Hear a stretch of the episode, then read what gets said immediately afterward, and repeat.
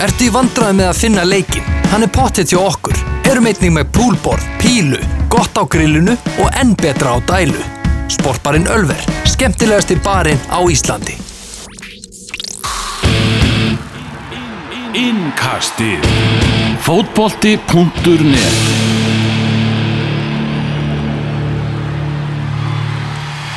Komið sálflæs og verið velkomin með okkur í Evrópu innkasti það sem er já, það sem er Komið sálflæs og verið velkomin með okkur í Evrópu innkastið. Elvar Geir Magnússon heiti ég.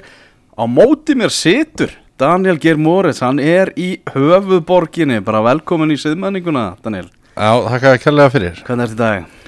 Ég er bara ágætur. Hvernig er þetta að fíla svona Reykjavík og, og svona stórborgar bræinn?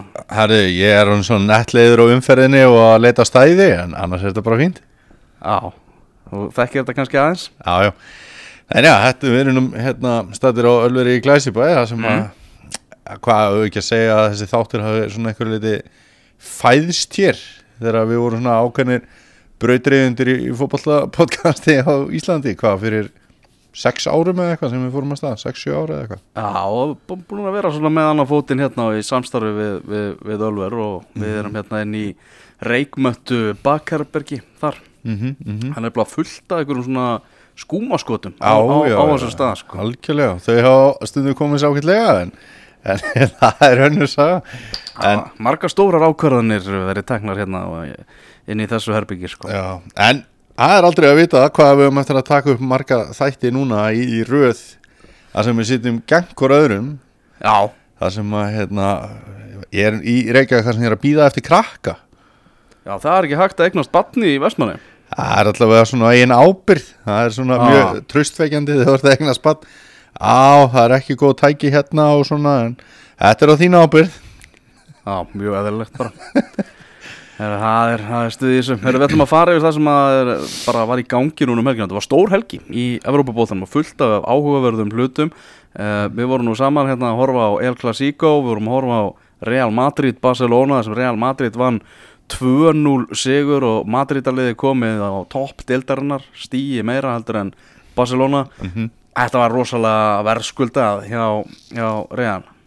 Já, það er eiginlega einhverju leiti hægt að segja að sko, Ter Stegen við höfum nú aldeilis dásama hann og eðlilega í þessum þáttum í langa tíma Mm. en það er hann mögulega besti markmaður heims og hann er allavega svona top 3 í dag og hann var ekki samfærandi í báðum þessum mörkum þar sem að hann fær skot á nærstöngina þar sem að hann ætti að vera búin að loka var alltaf óheppin að bolti fór í PK en með hans það samt ítla staðsettur. Mm. og svo í hinum markinu þá eiginlega lokaði hann engu. Það var svona dálítið sérstætt, hann gerði sér eins lítinn og hægt var.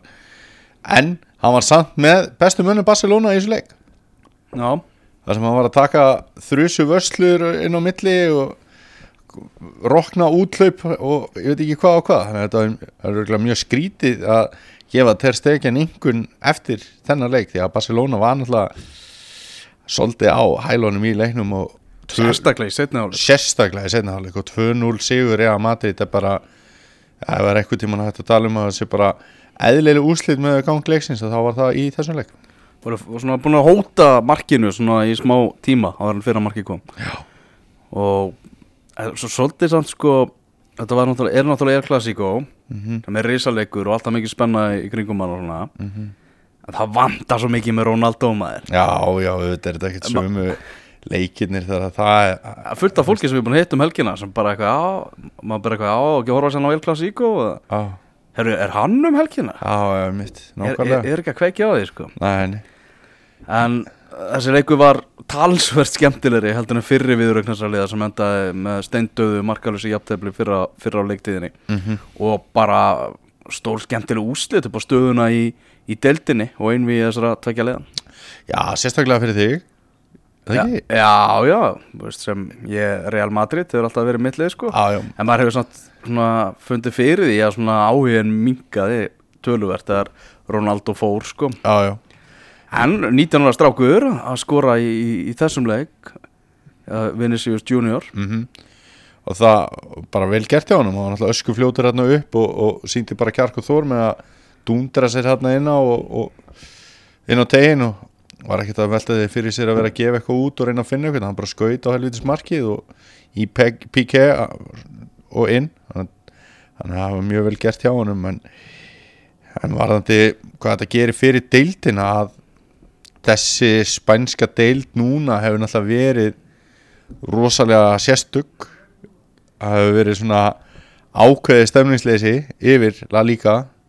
Sko við erum talað að Real Madrid er bara búið að vinna 16 leiki á 26 Já, Það er svona bæði liðin hafa verið Þetta er ekki svona söm, hafa ekki verið svona sömu ofurliðin Nei. og þau hafa verið sko. Akkurat og, og það er náttúrulega við höfum verið að sjá það líka svona í meistaradildinni í, í vetur að spilamennska þar hefur líka ekki verið í alveg sama takti og hjá spænsku liðunum bara hvað, síðasta áratugin er bara síðasta áratugur var náttúrulega bara áratugur spænsku liðana í Európa keppnum og uh, og aldeilis þessara liða. Uh, ég veit ekki mér f- maður, maður ég er svona, svona hlutlausari heldur en þú kannski í þessu. Og, Ég er ekkert eitthvað sko granitarður Real Madrid Nei, nei, sko. nei, nei, en, en hérna maður hefur svona heitlast svona að því sem er í gangi og öðru, öðru hverju liðinu alltaf, þú veist, bara svona heitlast að þessu og þá svona byrjar maður að fylgjast meira með því og þá var alls konar leikmenn verið sem hafa gefið manni ærna ástæðu til þess að heitlast að hinu og þessu. Það er ekki verið á þessu er, ég hef verið mjög rólegur yfir því að vera eitthvað sérstaklega spenntur fyrir öð, öðru hverju þessari liða. Og það er náttúrulega eins og þú segir að þá hlýtur spilamennskan og brottkvarf Ronaldo spænski bóllin sakna hans náttúrulega ennþá og þetta sé ekkert nýskeið að hann sé farin en, en hérna já, já, ákveðið stemningsleysi. Uh, Úslitaleikur ennska Deildabyggasins hann fór fram á Vembley leikvangnum í dag þar sem að Manchester City vann 2-1 sigur á móti Aston Villa yfir þessar 90 mínútur sem spilað voru var Manchester City miklu, miklu betra liðið. Uh, en samt svona ekkert uh, mjög svo að þú veist þetta svona hjekk alltaf á, á bláþræðinum og, og Aston Villa hann var bara átti stangarskot í lokin til að hefði getað jafna metin. Manchester City hefði ekki átt að fá þess að hotspinni sem er skoruði 2-0 úr það var ekki, það var rángudómur Mhm. og, og Rodri skoraði þar eftir að Aguero hefði, hefði komið um yfir svo kemur hann að Samatta Mhm. sem Aston Villa fekk frá e, Genk sem að mingaði munin og, og held þessu svona á, á lífi Mhm. en að Aston Villa gaf Manchester City svo sannarlega leik en, en sigurinn mjög svo verðskuldaður hjá City-mönnum og Phil Foden fekk hérna leik, Mhm. fekk byrjunleisleik og, það er svolítið búið að gera grína Guardiola fyrir að vera lofsaman alltaf svo rosalega mikið en gefa honum síðan ekkert allt og marga mínútur. En hann fekk hann hann fekk hann tækifærið og, og, og var bara hörku flottur í leiknum og bara, maður hefur séð þetta áður frá honum þetta er stráku sem er með svo ótrúlega mikla fótbolta greint Mhm. og mjög mikið talað um hann og sérstaklega með að við mínúturnar sem að ef mitt eins og segir hann hefur fengið þannig að gaman að sjá hann fá tækifæri á þessu sviði að þeir sem að fylgjast með fótboltaf þeir fylgjast ósjálfvægt mikið með ennska landsliðinu og það hefur aldrei verið skrifað um alls konar pælingar varandi þennan leikmann í tengslu við það. Þannig að spurning hvort þetta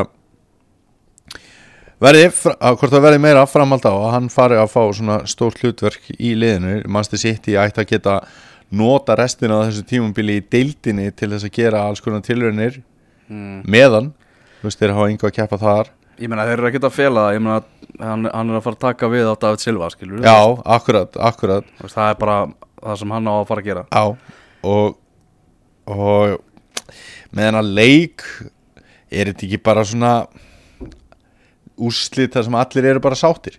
Þú veist, Aston Villa aðdáðundur hafa eintalega ekki farið í þennan leik fullir sjálfströst nei, ég satt ekki sáttir. Einhvern veginn, þú veist, þetta Nei, stangarskot og þú veist Dean Smith stjórinn í Aston Villa var brjálaður Mhm. út í dómarana þegar eftir að sitja við kotni sem skoruðu úr og svona. Og, og ég meina Dean Smith sagði það líka í aðdraganda leiksins bara ok, við erum undir hundar í, í þessum leik og Já. bara nánast öll í heiminum væru undir hundar á móti þessu liði. Já, en, bara, en þegar komið er í úslitaleik það bara er aldrei, aldrei neitt gott nema sigur sko. Nei, já, já. það var alveg, veist, maður sá alveg að var, var svona aðeins svona vot augun á, á leikmönnum vilja á svona sko. Já, það er líka bara flott og, og hérna líti ekki á það sem bara sjálfsagðan hlut að missa af þessu, þú veist og ég hefði viljað heyra sko eftir leikin þá tók Dean Smith all liðið í svona ring bara á Wembley. Já, bara þegar var búið að flöta, voru búin að tapa svona leik. Held svona smá ræðu sem hann var svona bendandi á, á menn. Og svo svona klöppuðu allir og eitthvað. Ég hefði viljað heyra svona, geta alveg ímyndað með það hann var að segja, heyrðu þetta var bara þrjusuflótt framist að liðið síndi hvað í því býr. Nú þurfum við bara að halda okkur í hans úrvarsleitinni sko. það sem þeir eru náttúrulega í, fallsæti og meðan þeir voru undirbúið þennan leik þá voru úrslitin þeim ekki hlýðfóll mæni í hans úrvarsleitinni en Akkurat. er ekki samt svolítið skrítið sko hvað þarna uh, Pep Guardiola er eitthvað veginn góður í þessari keppni Já, þetta er þrið ári í röð sem að vinnur hana Ég má eitthvað veginn myndi halda, þú veist, stundu gert grína þessari keppni, kall, kallað svo til eitthvað karamellubyggar og eitthvað. Mikki Músbyggarinn og eitthvað svona Já, og svona að, að Nei, það var Mikki Mús þrenn, Mikka Mús þrennan Já, ég er að regla, ok, ásaki já, en Guardiola er að, er að fíla þessa keppni. Já, ég myndi nú samt segja að áður en að hann kom og byrjaði að vinna þessa keppni að hún hafi fengið svona meira vægi heldur en hafi kannski verið árin og undan, veist, það var alveg byrjað að svona að fólk fara, fór svona að meta þessa keppni meira og liðin fór að setja svona meira í hana og, Man er fyrst að það var svona bilið með, með þessara keppni og FA byggar sem sá svolítið minkað Já, og, í, og, í áhuga eitthvað veginn. já, algjörlega og það var alveg byrjað, allir Mourinho hafi ekki bara átt mjög stóran þátt í því þegar hann fór bara með Chelsea liðið að tala um allir titlar væri titlar og þetta var nú stundu kallað Mourinho byggarinn líka og, og ég veit ekki hvað Arsenal hefur tapað mörgum úslitaleikum í þessum blessaða byggar þannig að auðvitað bara gaman að séu þá tvær byggarkeppnir og báða svona mikil, mikil smetnar.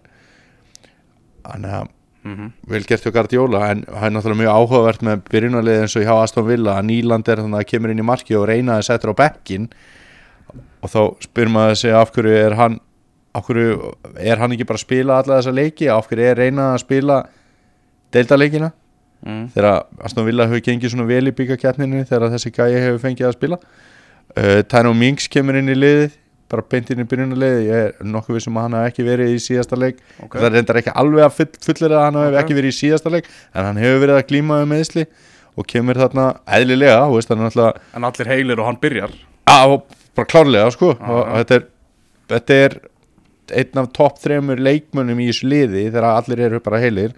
Þannig að Aston Villa hefði náttúrulega þegið það að hafa hann í betra spilformi heldur en hann er í dag því að þetta er þeirra langt besti vardamaður þannig að þetta var svona ákveður svona áhugavert í upp, uppleginu hjá Aston Villa og, og Samatta kemur þarna inn í byrjunarliði líka því að hann hérna okkar maður f- framherji sem að mittist þarna þeim, hvað heitir hann aftur, hérna Vestli það er eh, þessi eigi eftir að sakna hans bara sem eftir lifir þessa tímabil.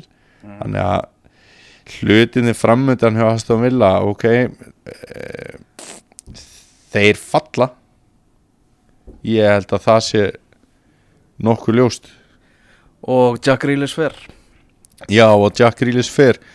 Núna er það búið að gerast sem að ég Já, kíkjum aðeins á, á fallbarátuna betur, við förum í ansku úrvals. já ok, já, Við skulum bara vinda okkur í, í ansku úrvalsleitina. Þetta var verulega áhugaverð umferð og, og, og kannski sérstaklega í fallbarátunni þegar svona, ég held inn í þessa helgi og bjóst ég nú ekki við því að vera að fara að lýsa sigurleikjum Norwich og Watford á móti Leicester og Liverpool. mm En svo var raunin og byrjum bara á Vikarætsrót á, á Watford sigrunum, þessum 3-0 sigri hjá Liverpool. Þetta var veginn svona allir sem að horfa á hana leik voru að setja sig í gýrin að þetta er bara svona formsatriði.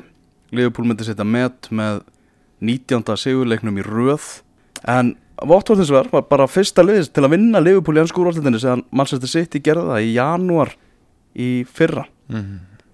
Og bara pökkuðu þeim saman. Og pökkuð þeim saman, þetta var bara verðskulda já, þetta var bara Liverpool átti eitt, eina marktilrun í fyrirháleik þetta er rosalega skrítið og núna náttúrulega hlakkað í skoðanabræðurum mínum uh, Arsenamönnum að. Liverpool skildi tapa loksins leik og það er náttúrulega endalist verið að bera saman hinn og þessi lið við höfum nú tekið eftir umræðinni þegar verið að bera saman sko þrennu lið Manchester United og síðan þetta lið hjá Liverpool mm. það er náttúrulega búið að vera hérna hjá Neville og Karakir að leika sig með það og svona Það er nefnilega sko risa stórt að hafa mistaf af þessu meti sko.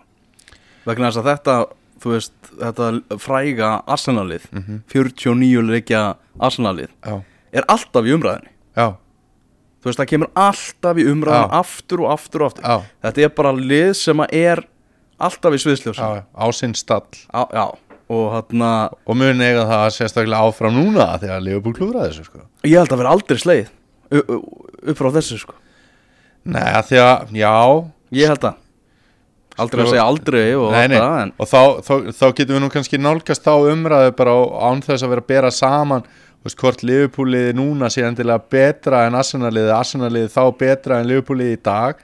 En þetta met náttúrulega með 49 leiki var algjörlega rugglað Mm. og uh, náði þarna inn á þrjú tímabil. Það var sem sagt gekk vel kem, endaði eitthvað tímabil svona ágætlega og svo kemur tímabil sem að er bara taplaust og svo kemur þriða tímabilið inn í það það sem að, hérna, þessi uh, vegferð heldur áfram. Og þá tapar Arsenal í hörku, hörku helvitisleik á móti Manchester United þegar að talan hefði geta farið í 50 þú veist það var rosalega mikið undir Arsenal var ríkjandi meistari og þessi lið voru búin að hatast heldur betur, það var nú engin smá leikur á tablösa tímabilinu þarna á undan. Já.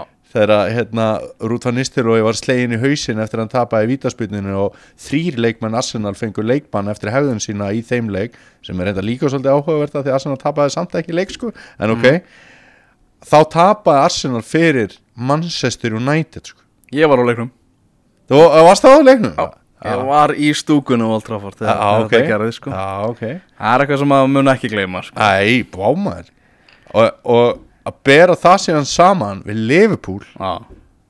þetta ótrúlega góða og flotta Liverpool-lið sem er að fara að setja með með því að vinna deildina með miklum stigamun. Það er alveg klárt. Mhm. það er því að pakka saman að fallbara til liði Votford veist, þetta verður ekkert búið saman heldur. Hvaða lið stoppaði Arsenal og hvaða lið síðan stoppaði Liverpool þetta er algjört neyksli á Liverpool að láta pakka sér svona saman það skrítið sko Leifbúl náttúrulega ekki bara verið sannfærandi síðustu vikur eftir Já, ég vil sáum til dæmis bara í síðustu umferð leikin á móti vestam Já. Þar held ég að þetta myndi nú koma og veist það, einhvern veginn Sko, Fyrst ég- að vestam komst í 2-1 þá var ég bara, herru, þetta er að fara að gerast. Svo neina, og ég, ég hugsaði bara með mér Emma að villur svo er ennþá að trúa því að ekki muni gerast. Og ég skrifaði eitthvað, hérna, skrifaði eitthvað tíst að Leifupúliði, það myndi pakka saman þessari koronaveiru sko, að þau myndi mætast. Nei, nei, svo bara næsta leik og eftir 3-0 tap á móti Watford. Þetta var svo skrítið uh, sko, Jörgur Klopp er búin að vera einn helsti talsmaður þess núna sem hann komið í anska boltan að taka upp vetar hlýja sko. Á, á, á menn fái smá frí og eitthvað þannig. Á, og þeir bara eru verri eftir þetta frí. Á en, en náðu eitthvað þegar samt að kreista út og eru búin að gera það í nokkuð tíma núna. Bara einhver þáttur að liðið sé svona talsvöld frá sínu besta þá stíga alltaf einhverjir upp. Það gerir það enginn þetta núna var þetta bara svona samstilt átak um að vera slakir. Já. bara Sala og Mane og Firmino bara allir slakir. Á, sem að bara, ég hef ekki séð þannig leik æ, hjá, hjá, hjá Liverpool.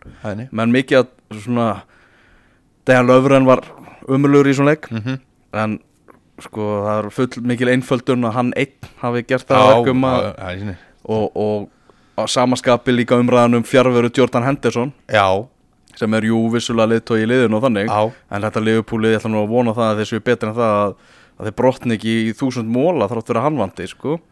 Nei, hva, hvað er að fara að gera samt núna? Þú veist, ég, ég er ekki að fara ég er ekki það rugglaður í þessu að ég sé að fara að tala um að þeir sé að fara að missa af englandsmeistaratitlinum ég, ég, seg, ég segi bara þeir eru að fara að slátra næsta anstæðingi Já, ég segi bara auðmikja bornmoð í hátíðinu næsta lögata að þurfa að vera næstu menn eftir þetta tap sko. því að þetta eru svo miklu vinnerar í þessu lögupúliði að þeir eiga eftir að mæta með blóð á, á tönnunum í, í næsta leik og, og það, það, þeir verða með síningu sko. En meistaratitlin Mun Liverpool komast í gegnum 16. úrslitin í meistaradeildin? Ég er ekkert svo viss um það. Nei, Ég meina þeir eru að fara að mæta uh, liði sem að mun vera með varnarleikina í farabróti í, í þeim leik, Alltíku Madrid. Og það Og liður eru með fórustu góðir í því sko. Já, Ég er ekkert vissum að þeir komast áfram úr því.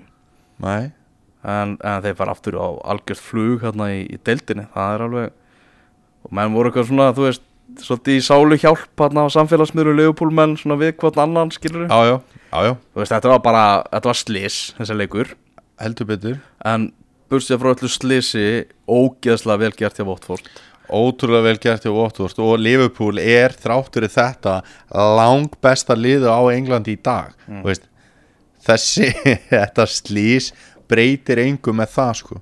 En já, virkilega vel gert hjá Watford og það sem ég ætlaði þetta að koma hérna, inn á áðan að núna er það búið að gerast í fallbaráttunni sem að ég held að ég eftir að gerast síðan ennþá meira að Votvort er komið upp úr fallsæti. Og þetta er lið sem að ég sagði fyrir löngu síðan þegar enginn hafði trú á að þeir myndi ekki falla. Þetta er ekki búið, sko. Nei, en þeir munu ekki falla. Og núna munu þeir koma sér aðeins svona meira frá pakkan það eru þarna og líka svo fyndið að fara upp úr fattsæti á markatölu með því að vinna 3-0 sigur á móti. Liverpool það er alveg akkurat Ismail Assar þessi 22 ára sinningali sem Votvort kefti frá Renna og Medfjö hann er bara leikmaður helgarinnar uh, tvö mörg og, og stóðsending bara ekki spurn nýkomin úr meðslum, fekk þetta nokkra mínútur komin inn á bekknum á Old Trafford mm. -hmm. undan en vondafrætti fyrir Votvort með Gerard Delufeu já, sem að er ekki að fara að spila á næstunum mittist illa á hnið í, í þessum leik. Já ég manu ekki hver það var sem að setja á Twitter sem að uh, er eitthvað fróður um crossbandamál sem að var einaróli sjúkraþjólari já, orða hann sem hann setja ah. já. Og hann hefur nú oft hitt naglan á höfuði þegar hann hefur verið að horfa hann, eins og frækt var þarna þegar Gilvi meittist þarna og óttast um hva, hvort að hann myndi taka þátt í ykkur landsleikjum og, og þeir sem að kærðu sig um að hlusta á einaróla hvað hann hafði um að segja hann róa, róaði töðan það hann, róaði hann tauga margra sko. að en auðvitað vonum maður að, að, að, að einar og bekkjabróðum minn og barnaskóla sé að skýti hegi þarna og Delu Feo mæti bara hress og kátur í næsta leik. En líkunar að því eru afa litlar. Já, ég held að einar hafi rétt fyrir sig Já, ég held það líka. Uh, en þetta votthólli, það er bara fullt af, fullt af gæðum í þessu. Já, í, í já, og kannski einmitt eh, ljósi punkturinn að fyrst að Delu Feo er þá eintilega detta út með þessum hætti að Sarsi er komin þá svona sprækur inn í liði í staðinn sko. ókesslega skemmtilegu leikmaður. Já, 922 ára.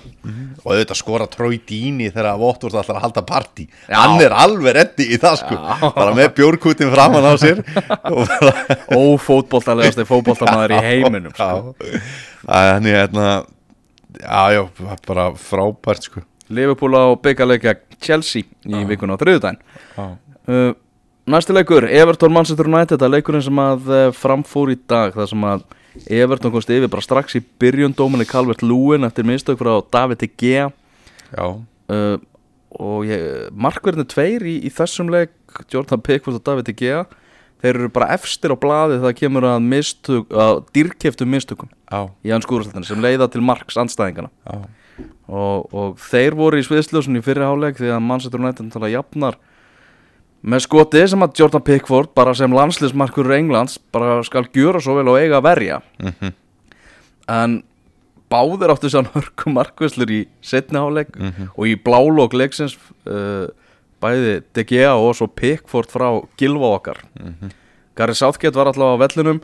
Sko, ég flett upp í rekordinu á Pickford með ennska landsliðinu.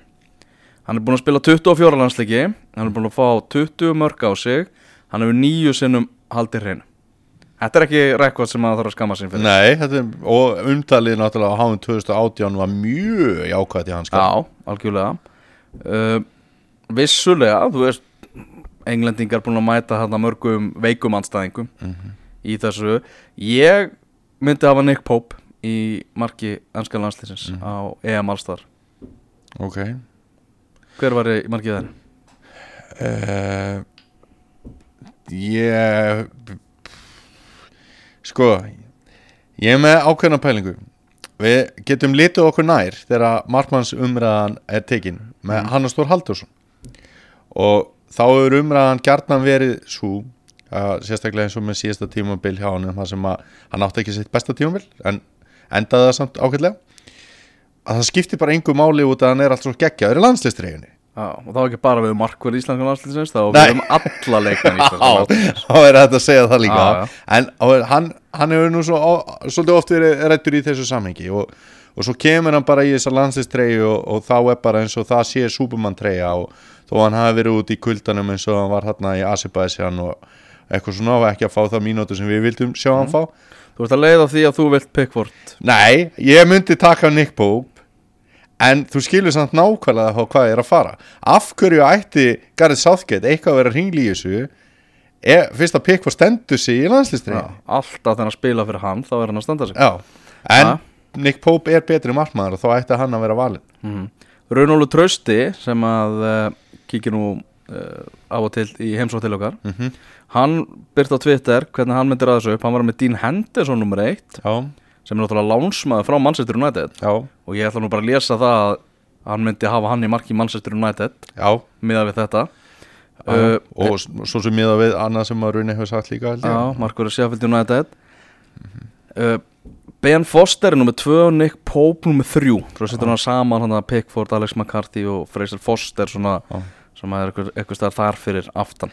Hann hann var spurður aðeins út í þetta og þú veist ákveður hann var með hérna, Ben Foster nummer 2 og Pope nummer 3 og veist það var eiginlega svona hann eiginlega sagði bara til að búa til smá bandir eða veist. Það var líka United maður. Já, já, er United maður mikill Já. Foster maður sko, þannig að það var svona í- í- sagt í glensi og alvöru sko, en, en hérna á Dean Henderson frábæð margmaður mm og umtalið um hann í deildinni í vetur hefur verið allt annað heldur en hjá Jordan Pickford. Fyrir viku síðan þá var ég uh, á Breitlandsegum mm og horfði þar á, á tvo fótballtaleiki í hans skúrastættinni Það er meðal United Watford. Herru, þú varst farastjóri svona hvernig, var, hvernig fannst þau í því hlutverki? Er það var skemmtilegt að, að prófa það. Við tökum þá umræði kannski ekkert um að senda Ok, ok. En uh, það var þannig að hérna, uh, já, ég fór Old Trafford á Manchester United Watford. Og það var ógæslega gaman að sjá Bruno Fernandes live. Ok, Það sást einhvern veginn svona miklu betur hvað hann er góður leikmaður. Já, og þá ekki bara hvað hann er góður leikmaður, hvað hann er mikill leiðtogi og allt þannig. Það er einhver lág í grasinu og hann var alltaf fyrsti maður að draga menn á, á lappir, skipa Já. fyrir og, og allt þannig. Bara eina sem stuðnist með Manchester United til að syngja um þessa, þessa dagana er hann. Mhm. Það er bara Bruno lög, sko.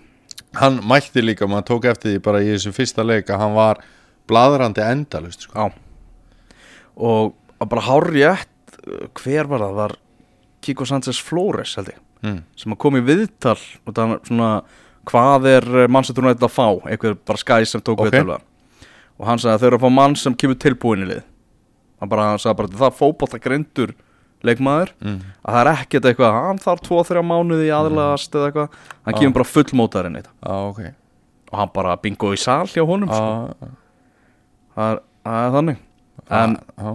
Já, en þetta endaði með með að eru heldur að að, að, að hérna, Fernandes og Pogba eftir að spila saman á miðinni hefur hún þetta sko, sem einhver að benda á Twitter með þarna Andri Gómez var að snúa aftur, var byrjunulegi Evertón, sko fótbrotnaði bara fyrir Mhm. já, korteri, misti fótinn. Misti fótni fyrir korteri.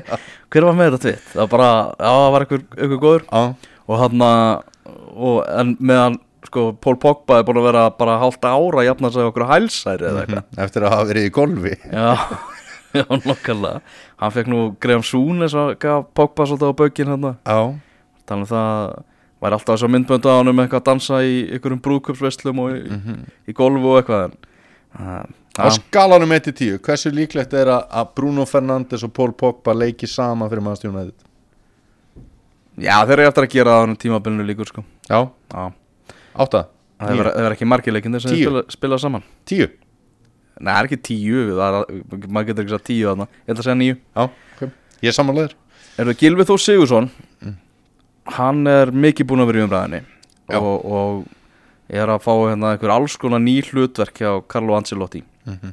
og hans hlutverk er ekki lengur að vera eitthvað að- það er ekki, að stóla það að hann sé endilega að að skora mörg og já, og jáfnvel bara ekki svona leggja upp hann er bara komin í eitthvað meira svona kletta hlutverka á, á, mið, á, mið, á miðsvæðinu. Svona Duracell kannina bara, vinnu dýr bara og Já. Hann uh, hefur fengið mikla gaggrinu på síðkast og hann fekk mikla gaggrinu eftir, eftir þennan leik þar sem að Rói Kín meðal hann hjólaði í hann. Þannig að gíska á það að nánast allir sem eru að hlusta hafi séð þetta atvik þegar, þegar uh, Calvert Lúen held að hann væri að tryggja Everton sigur hérna í, í lokin.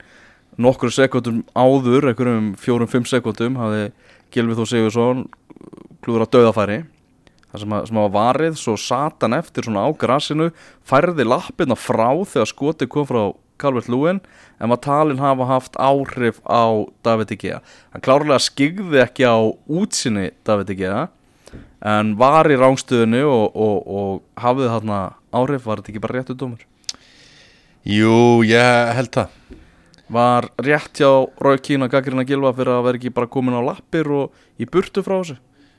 Já, mér fannst svolítið til í Já, og það er ekki efst á óskalistanum mínum að gaggrina gilva og veist, maður er bara fyrst og síðast aðdáðandi en hann var svona já, hann var lengi að að bregðast við og hefði geta komið í vekk fyrir að markeri dæmt af með því að vera röskari að koma sér aftur inn í leikin það er bara staðnind en það er ekki, þú veist, ég myndi ekki, ekki kannski segja að þetta sé bara algjört neyksli að hann hafi ennþá verið þarna. Veist, þetta er ekki alveg þannig en og jú, kannski svolítið óöppin að Rói Kín hafa verið í settinu. Já, já, akkurat en, hann hikkar ekki að taka menna lífi. En hann hefði, hann hefði getað gert betur og hann veit það náttúrulega miklu betur heldur en ég og þú. Já Er eitthvað meira við þannig að bæta? Við ekki að fara bara í hinleik dagsins í ennsku úrvastendinni? já, kannski eitt bara Calvert Lúin hann heldur bara áfram með þessi gæi. Já, bara hann skora bara og skora og skorar. Bara Ferguson, Duncan Ferguson hann kveikti bara á honum og hann hefur bara haldið áfram eftir að Ancelotti eh, kom.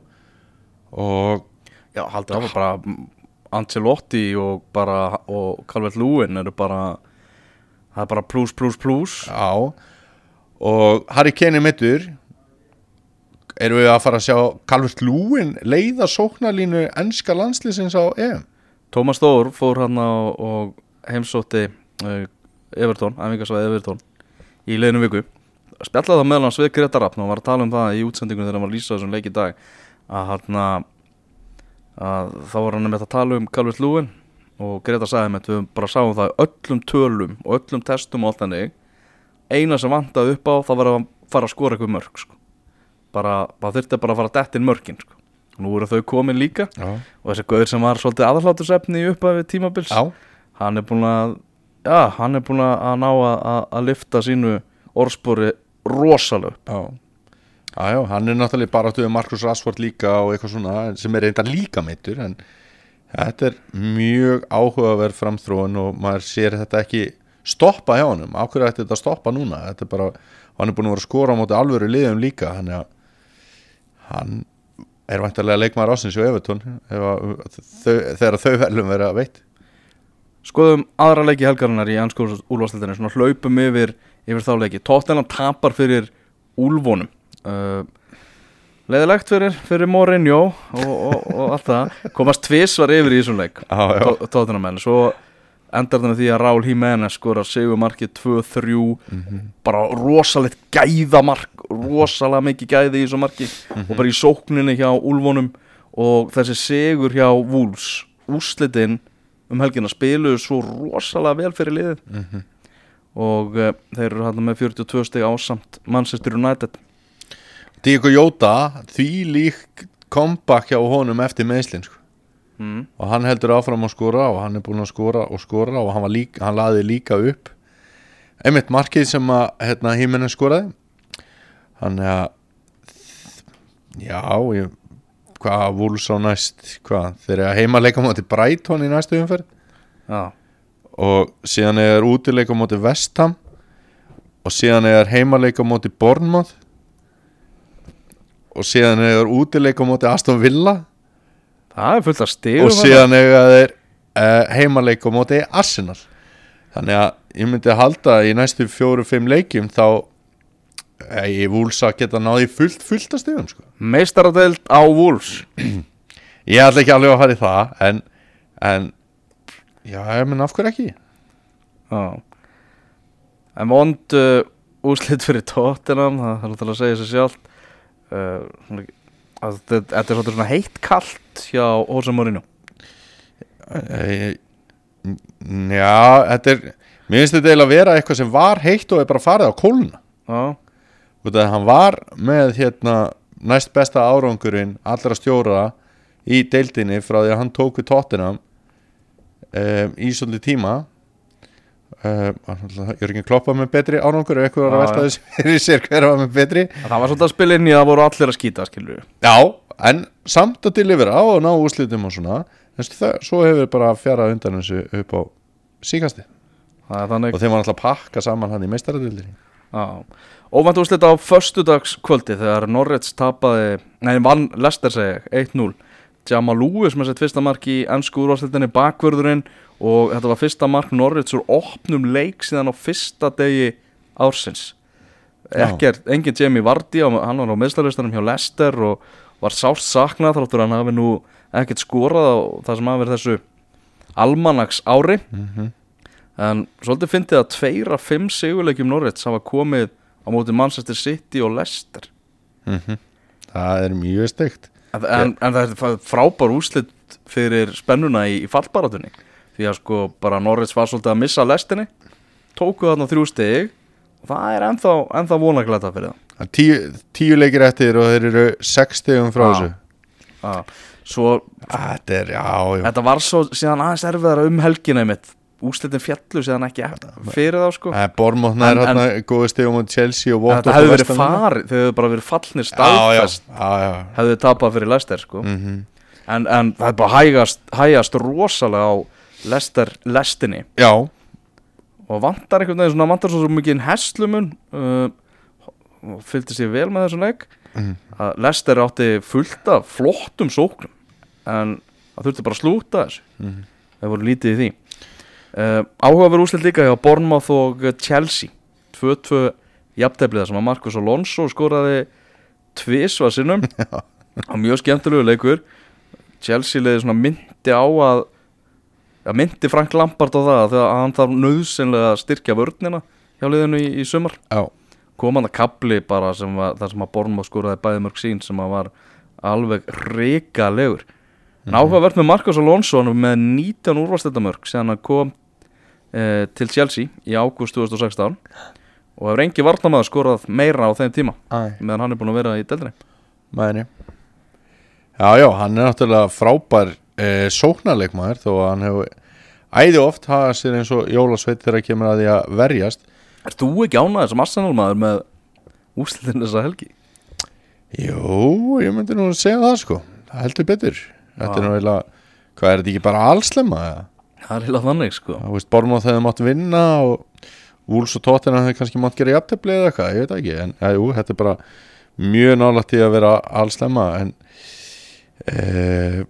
e, Bormóð þegar náttúrulega heldur áfram bara í sínu bastli þarna í fallbarátunni og, og ég veit ekki aðeins hérna að því að varst að tala um Leicester og við erum núna að tala hérna um Chelsea og þetta og veist, það minna fimm stöðu núna á Chelsea og Leicester Chelsea geta alveg náða Leicester það minna átta stöðum á Leicester og Manchester United og Wolves veist, Leicester er bara þetta öruga þriðja sæti sko, það er Þeir fóru að slaka kannski aðeins svo mikið á. Það já, ég Já. Brendan Rodgers fór náttúrulega með heiminskautum og allt það en, en Wolves geti alveg enda fyrir ofan Leicester. Vesthaminur 3-1 sigur á móti Southampton fyrsti úrvarsleita sigur Vestham í tvo mánuði og um, hann var Gerard Bowen sem kom þeim á, á bragðið í þessum leik. Leikmaður sem að kiptu var á 20 miljónu punta frá Hull spilaði sem fyrsta byrjunisleik og, og skoraði þarna í þessum gríðarlega mikilvæga sigri Hamrana. Bara virkilega flott hjá þeim. Brighton tapar fyrir Crystal Palace 0-1 mm -hmm. þar sem að eina markið var, kom svona geggangi leiksins. Andri Æjúf sem skoraði eftir flottan undirbúning hjá Kristján Benteke. Og Brighton er að fara í, í svolítið, það er bara mjög erfitt prógram núna í, í deltinni næstu næstu vikunar getur farið að síga síga niður þar. Já, það er falla Newcastle Burnley endaði með markalösu jafntefli þar sem að eh, Burnley er núna búin að spila sex uh, úrvalsleitaleiki í, í röð án þess að tapa. Og uh, já, Newcastle er án sigurs í síðustu fimm úrvalsleitaleikjum og hefur já, ekki náða að skora í fjórum. Það er bara mörg 0-0 jafntefli hjá liðinu, þeir eru 0-0 kongarnir í ennsku úrvalsleitinni mm Þetta er ekki skemmtilegasta liði í deildinni og orðum það bara þannig. Já. Þannig að Nefna, nefna menn hafi gaman af, af öguðum varnarleik og, og lokuðum leikjum. Gæða litlum sóknum. Er kannski einhver, það er ah. Yfir í Championship-deildina Leeds United. Já, nú er þetta að fara að gerast Elvar Ég, veistu það Nú er þetta bara að fara að gerast hjá Leeds. Fjórir sigurleikir í röð. Já, Þeir eru ekki búin að fá sér mark í þessum fjórum leikjum. Og þarna unnur, þeir unnu hvað fjó, fjórnúl sigur? Já ótuvelli á móti höll. Mm -hmm. höll er ekkert búið að vera að gera neitt. Mm -hmm. en, en virkilega vel gert. Og ég er búin að fylgjast svolítið vel með Leeds núna undanfarnar vikur. Þetta er ógeðslega þetta er, svo, þetta er mjög fyndilið Mhm. þeir fá bara svona skriljón dauðafæri í hverjum leik sko. Já, bara sirpan yfir klúðruð færi hjá Leeds já, er bara eitthvað kostuleg sko. já, ok. Þeir, þeir skapa og skapa og skapa en nýtingin hefur ekkert verið allt og góð. En hann er komið smá tomatsós áhrif þarna um helgina greinilega. Já, þegar þeir, þeir unnu, unnu höllarana. Sko, og, ég- og byrja hvernig er staðan? Þeir eru já hérna Vestbrom er með 69 og Leeds er núna bara einu stíu á eftir sko. Já, Þannig að það skiptir einhver máli hvort þú lendir í fyrsta að öðru sæti. Nei, en þú veist, það væri samt svo sérstæð þegar þeir myndu svo bara enda á því að vinna deildina sko. já, en máli sem sný, það skiptir máli, við þú að vita máli en frá öðru niður í þriða Já, sæti. það eru fimm stig og það er Fulham er heldur þeir eru ekkert að gefa eftir heldur. Þeir eru að ná úslitum og eru alveg að halda pressu og í endalvist lungu móti þá eru fimm stig ekki svakalega mikið tíu umferðir eftir þarna líka sko. en mér, mér erstu mitt með Leeds að þe- þeir byrjuðu náttúrulega þetta tímabil eins og flest öll tímabil rosalega vel Mm. og svo fóru að fjara undan þessu og þá fór maður að fór maður að hugsa bara, herri, verður þetta bara enn og aftur disaster og þeir eru náttúrulega eins og þú segir búin að vinna núna eitthvað fjóra leiki í röð og, og ekki fá á sig mark og klukkan slær kliði 19 ára strákur komin í markið núna náttúrulega markmaður með bann fyrir, fyrir rasisma. Rasisma, já.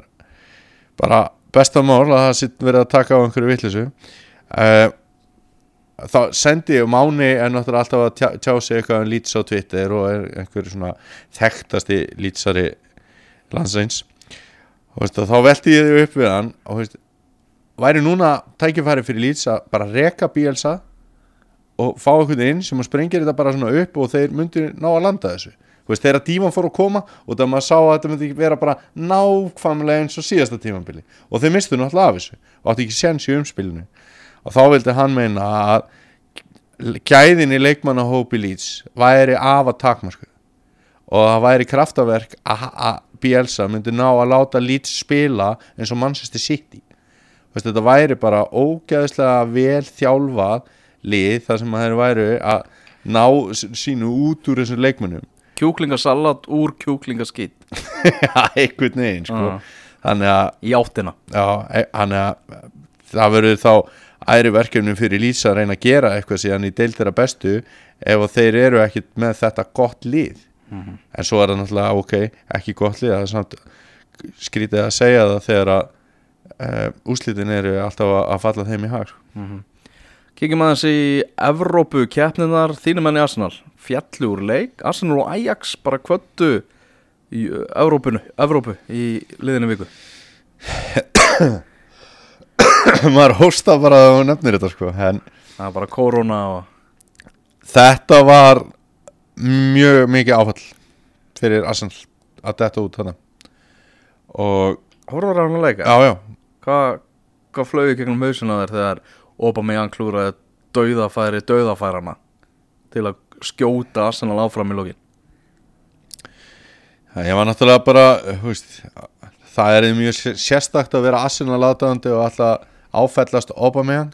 Ah. þannig að hérna, en auðvitað var þetta algjört klúður hjá hann um og allt það en Þetta er svona svo leikmað sem er auðveldast að fyrirgefa. Já, það það er bara algjörlega bara takk fyrir að orða það betur en ég var að reyna en, en auðvitað á svona einvíi að ekki að standa og falla með því að opa með ang klúður í einu færi sko. Nei. Þú veist, Arsenal á að klára Olympiakos sannfærandi og þeir fara inn í setni leikin eftir mjög góð úrslit í fyrirleiknum Mm. að það er ekkert grín að fara þarna austur eftir og, og reyna að gera einhverju hluti og þeir bara gerðu það og, og bara virkilega vel gert Ég fylgdist með þessu á livescore Já, Þannig að ég var að horfa á Greip feta í þín fótspor. Og vann hann að Íslandsmótið í uppistandi. Já, á sama tíma og þetta allt saman var í gangi sko. Já þetta var nú eh, svona öllu sorglegra uppistand þú voru örgulega hleyið meira heldur en ég þetta kvöld, alltaf ég að vona. Og en þetta er bara mikið vombrið og mikið vombrið fyrir þetta Arteta dæmi fyrir það sem að hann hefur verið að koma með inn í. Arsenal gætt stilt upp rosalega sterku byrjunarlegi á pappirum í þessu leik. Veist, það var svona miða við hverjur er heilir og annað þá hefur maður ekkert viljað skipta neinum út. Og þeir náðu sér að engan veginn og strikk voru mjög andlausir, það vantaði allt einhvern veginn svona hjarta. Og það segir sitt þegar Arsenal tapar fyrir Olympiakos og Mustafi var besti leikmaður Arsenal í leiknum. Ég veit ekki hvað hann bjargaði með alveg frábærum tæklingum og ég er ekkert að gera grín, hann var virkilega góður. Og svo var Niklas Pepe svona eini ljósi punkturinn í sóknarlegin Og Mustafi góður? Mustafi var mjög góður. Já, og hérna hann þú þurfti, segir fréttir. hann þurfti að fara meittur af leikvelli sko. Og það er spurning hvort að hann sé klár. Það er aðeins að myndast svona umræða með að Arsenal stuðnismanna um þetta sem að ég hef svona í barslari einlægni vona að myndi gerast eitthvað svona kompakt Mustafi sko. Hann hefur verið að spila ákveðlega í, í síðustu leikjum það er bara verður sagt. Að koma Arteta hefur svona aðeins gefa hann já, það hefur gert það sko. En, Ah. en hérna, Það er Porsmóð á morgun eða ekki í byggandum já, ég er bara Ég held að Arsenal er á morgun sko. bara manna ekki.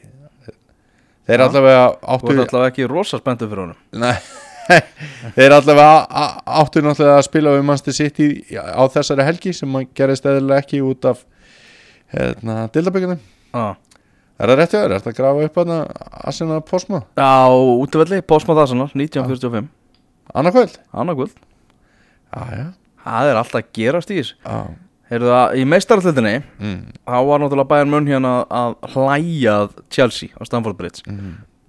Því en við bara lokið Chelsea 0, Bayern hérna 3 Mm. Napoli, Barcelona 1-1 þannig að það geti kannski eitthvað það er að bjóða alltaf upp á áhugaverða viðurregni í, í hérna, þegar setni leikunum verður. Mhm. Lyon 1-0 sigur á móti Juventus það er mjög áhugaverð Já, ég held að skiptir sem þeir einhver máli sko. Bara Ronaldo verði bara í ham og klárið Já, þetta. það verður það lámar þryggja marka sigur í setnilegum rosalegu sigur Manchester City á móti Real Madrid. Já, lenda undir í leiknum á Santiago Bernabeu. Já. vinna síðan 2-1 útisugur já, þegar maður svona horfða þennan leik þá hugsa maður kannski er þetta árið sem að Manchester City tekur þessa dolli. Já. Já, já, já, já. Þeir eru alveg með liði það og stjóra. Þó hann hafa aldrei unnið þessa kæni Já, hann gerði alltaf með Barcelona Já. Herðu, kórónaveiran mikið í umræðinni uh, og náttúrulega margir liðbúlmenn sem óttast að bara að móti verið flautað af. Veist, það er erfitt að tala um þessa kórónaveiru maður veit ekkert hvað mun gerast. Veist, það er alveg ljóst að það var ímislegt annað í, í forgangi heldur en fótbolti ef að þetta verður mikið verra heldur en, heldur en staðinu núna. Já, já, algjörlega.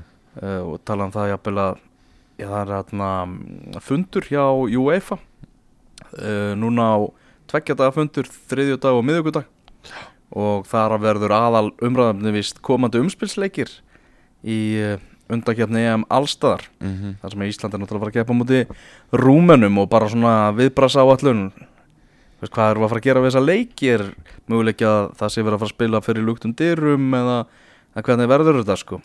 Og, og svolítið svona já, komist ef svo má segja að akkurat þegar þessi kórónaveira er hérna að herja á heiminn að þá ætli UEFA um þetta að halda Evrópumóti út um allt.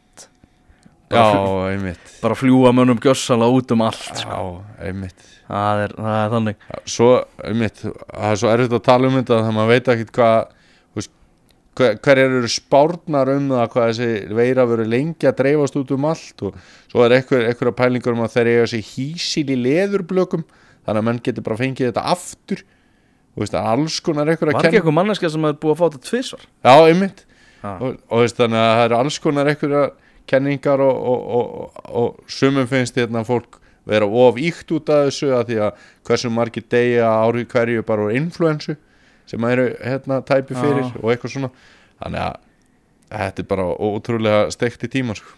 þannig Herðu að lokum kannski Þískaland Alfred var að skora fyrir Augsburg og svo var náttúrulega áhugaverð upp að koma hjá Hoffenheim og Bayern við erum náttúrulega að tala um áður hérna í þessu yngast svona að í Þískalandi þá eru flest félögin í eigu stuðningsmanna.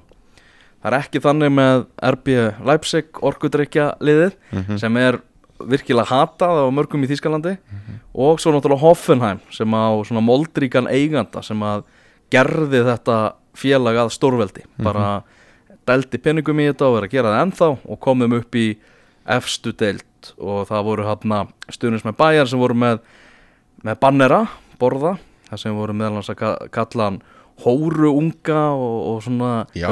þeir voru dónalegir, það var dónaskapur. Ok, og uh, dómarinn bara stoppaði leikinn um tíma og, og Karl-Heinz Rúmenegge og félagar voru hann bara að segja stuðningsmönnum sínum að, að slaka á og, og, og bara tóku upp hanskan fyrir þennan Dietmar Hopp. Já, þannig að þetta var þetta var áhugavert. En Já. bæ, en bæjarn allavega rúllaði rúllaði verið hann leik. Já, já. Já, menn verða að kunna að haga sér sko. Menn verða að kunna hafa sig. Allt í lagi með góðan bandir en svona er óþarri svona er og það, það væri þarna fyrir þessa stuðnismenn hægt að fara í svo margt skemmtilegt sko. nýta þetta og veist, leifa sér bara þóligjan á gaur og þetta eignahald og búa til eitthvað skemmtilegt úr því sko. já, já, þetta, er svo, þetta er svo ítla farið með gott tækifæri sko. Já, það er alveg rétt sko. Það er alveg hægt að vera með bandir og, og skot og allt þannig. en það þarf ekki að vera bara eitthvað hérna Meina, þið, þið þekki það nú ágætlega hjá leikni. Ég meina hvað var búið að vera að grínast eitthvað með ykkur og allt í hennu hétt völlurinn bara gett og gránd já, já, veist, það er alveg hægt að hafa bara gaman að hlutunum og svoleið sko. það er hárið Heyrðu, við segjum þetta gott í en þessu sinni, Daniel mm gaman að, gaman að geta hort í augun að þér. Já, sumulegis meðan við, meðan við tökum þetta upp. Við skulum bara skála, fá okkur, fá okkur eitt kaldan. Takk fyrir að hlusta, verið þið sæl. Ertu í vandræði með að finna leikin? Hann er pottet hjá okkur. Erum einnig með poolboard, pílu, gott á grillinu og enn betra á dælu. Sportbarinn Ölver, skemmtilegasti barinn á Íslandi.